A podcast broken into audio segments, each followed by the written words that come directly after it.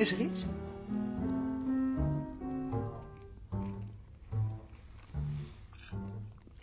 Ik denk. Waar denk je dan aan? Aan het bureau. Aan het bureau. Mag ik nog een keer aan het bureau denken? Ik ga toch niet altijd meteen een knop omdraaien als ik thuis kom? En wat is er dan met het bureau? Met het bureau is niets. En je zegt dat je aan het bureau denkt. En toch is er niets. Wat denk je dan? Nou wil ik het ook weten. Je kunt niet zeggen dat je aan het bureau denkt en dan niets zeggen. Het is te ingewikkeld. Probeer het dan. Je kunt het toch wel proberen? Ehm Buitenrust Hettema had in de tijd een leerstoel bij ons. Daar hadden Beerta, Kaatje Kater en Springvloed voor gezorgd om het vak meer aanzien te geven. Toen hij wegging wilden ze dat ik dat overnam, maar dat heb ik niet gedaan. Nee, stel je voor. Nou heeft Mark daar zonder dat ik dat wist met Knottenbelt over gesproken en Knottenbelt wil die zaak weer aanhangig maken. Maar dat doe je toch zeker niet? Dat is het probleem. Je hebt toch altijd gezegd dat je dat niet zou doen? Dat heb ik gezegd. Waar praat je dan over? Mark is toch een rotzak? Je laat je toch niet door een rotzak ompraten? Het gaat niet om Mark, het gaat om Knottenbelt. Jij Knottenbelt? denkt er dus over. Je vindt het niet vanzelfsprekend meer. Jij hebt je laten bepraten. Het gaat erom dat Knottenbelt voorzitter is van de wetenschap. Hou je mond! Ik wil niet dat je zo praat, hoor je me?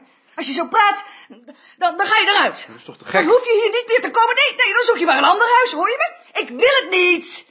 Ik wil het niet. En, en, en daarmee uit. Je hebt altijd gezegd Maar dat je geen professor zult worden, dus je doet het niet. Wat zou ik zeggen? aanvoeren. Ik moet Daar heb ik niks mee te maken. Wees Je alsjeblieft redelijk. Anders donder je maar op. Ik wil erover praten. En ik wil er niet over praten. Er valt niets over Ik wil erover praten, het niet. omdat. Balk er een paar dagen geleden ook al op zit Hou je mond! Balk en Hou je Mark. mond! Je doet het niet. En anders dan donder je maar op. Ik wil het niet, hoor je me? Er wordt niet meer over gepraat. Maar ik wil er wel over praten. Niet omdat ik het wil ik. doen. Donder op, alsjeblieft. Donder op, alsjeblieft, man. Donder op, alsjeblieft. En als jij maar niet denkt dat je hier nog in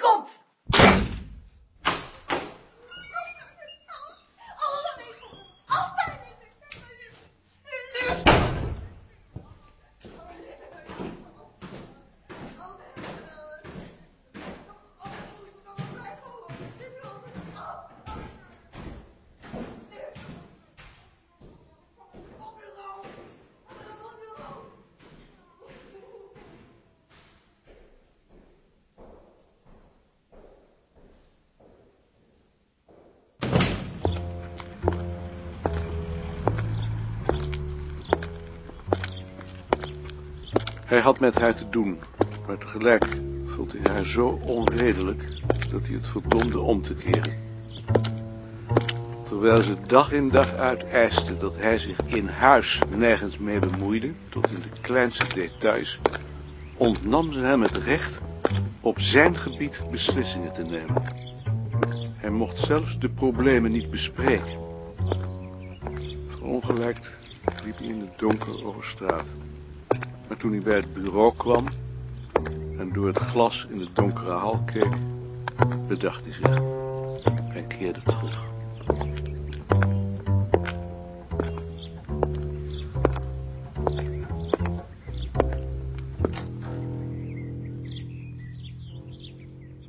Zullen we nog wat drinken?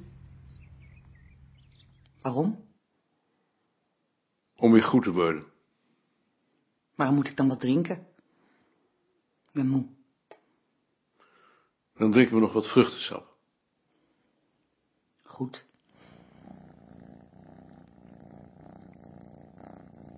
Waarom laat je mij mijn eigen beslissingen niet nemen? Dat wil jij toch ook? Ik wil er niet meer over praten. Maar ik wil het. Je hebt gezegd dat je nooit professor zou worden en daar hou ik je aan. Ik wil nog geen professor worden, maar ik moet argumenten hebben. Dan neem je mijn ontslag. Dat is natuurlijk onzin. In ieder geval wil ik er niet meer over praten. Je zoekt het zelf maar uit. Goed. Als je mij er maar niet meer in betrekt.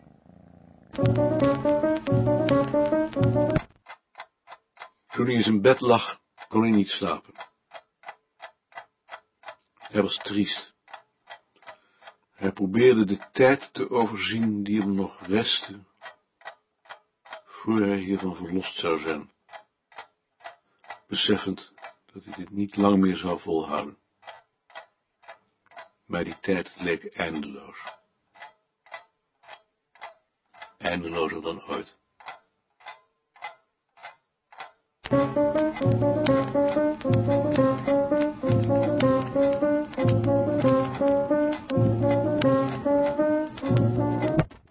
Naar de directeurvergadering. Ja, Koning, ik kijk eens wat ze nu weer voor ons in petto hebben. veel goeds kan het niet zijn. Daar ben ik ook bang voor. Dag, meneer Koning. Meneer Holtzappel, hoe gaat het met u? Dag koning, Balk ziek. Dag meneer Meter. Dag, meneer Koning. Dag mevrouw Polak. Luisterend, zonder zich in de discussie te mengen, realiseerde hij zich plotseling dat hij in dit gezelschap een van de oudsten was, terwijl hij zich de jongste voelde. Hij zou ook niet hebben geweten wat hij had moeten zeggen. Na anderhalf uur moest hij een plas. Hij wachtte een geschikt agendapunt af, stond langzaam op en liep op zijn gemak over het zachte tapijt rond de tafel naar de deur, terwijl de vergadering naast hem gewoon doorging.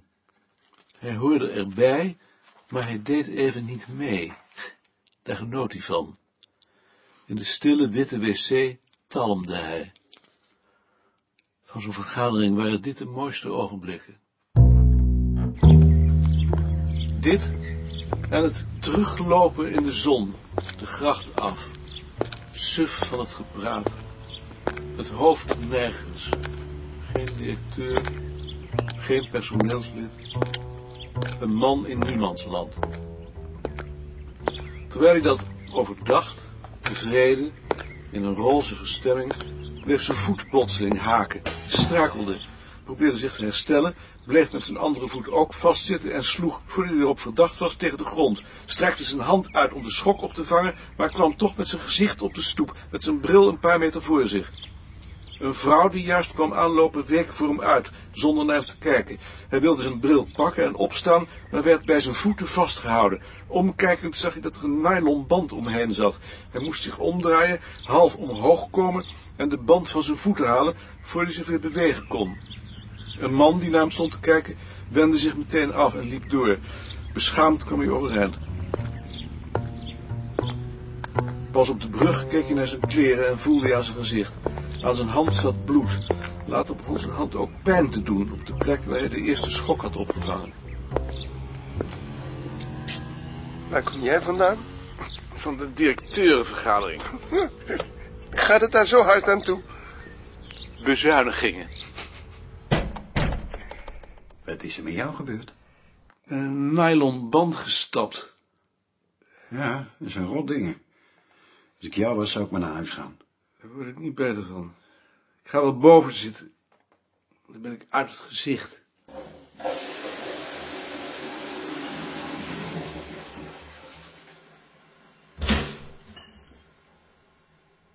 Heb jij die tentoonstelling voor het jubileum van het hoofdbureau al gezien? Nee, waar is die dan? In de collegezaal. Het is om in huilen uit te barsten, zo triest.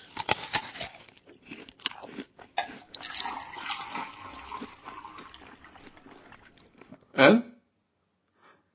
Ach, ik zie niet wat er zo verschrikkelijk aan is. Je bent een goed mens. Dat weet ik niet. Neem dat maar van mij aan.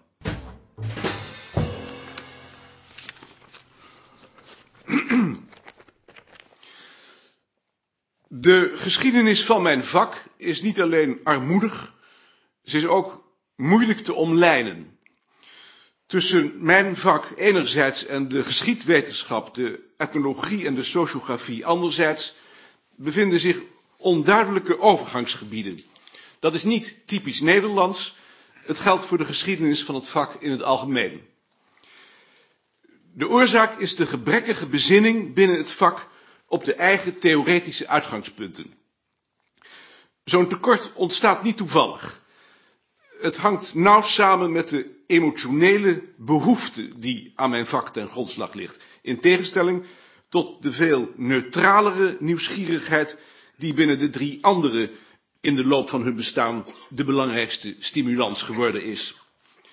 De veronderstelling dat de herinnering aan het verleden, hetzij als rudiment, hetzij, maar dan veel vager, als geestesmerk in de cultuur van de plattelandsbevolking bewaard is gebleven, een veronderstelling waarmee een aantal Duitse geleerden bijna twee eeuwen geleden het werkterrein van de geschiedwetenschap betraden, is niet zomaar een werkhypothese. Ze is integendeel onlosmakelijk verweven met de algemeen menselijke behoefte aan continuïteit. De illusie dat de groep waartoe men behoort er altijd al is geweest en in wezen onveranderd, rechtvaardigt niet alleen de aanspraken op de eigen grond, maar maakt het leven draaglijker en de dood gemakkelijker te aanvaarden. Dat verklaart de onwil binnen mijn vak om deze hypothese, waarop het is gebouwd, prijs te geven toen haar onhoudbaarheid al lang gebleken was. Men zag haar niet als een hypothese, maar als een waarheid.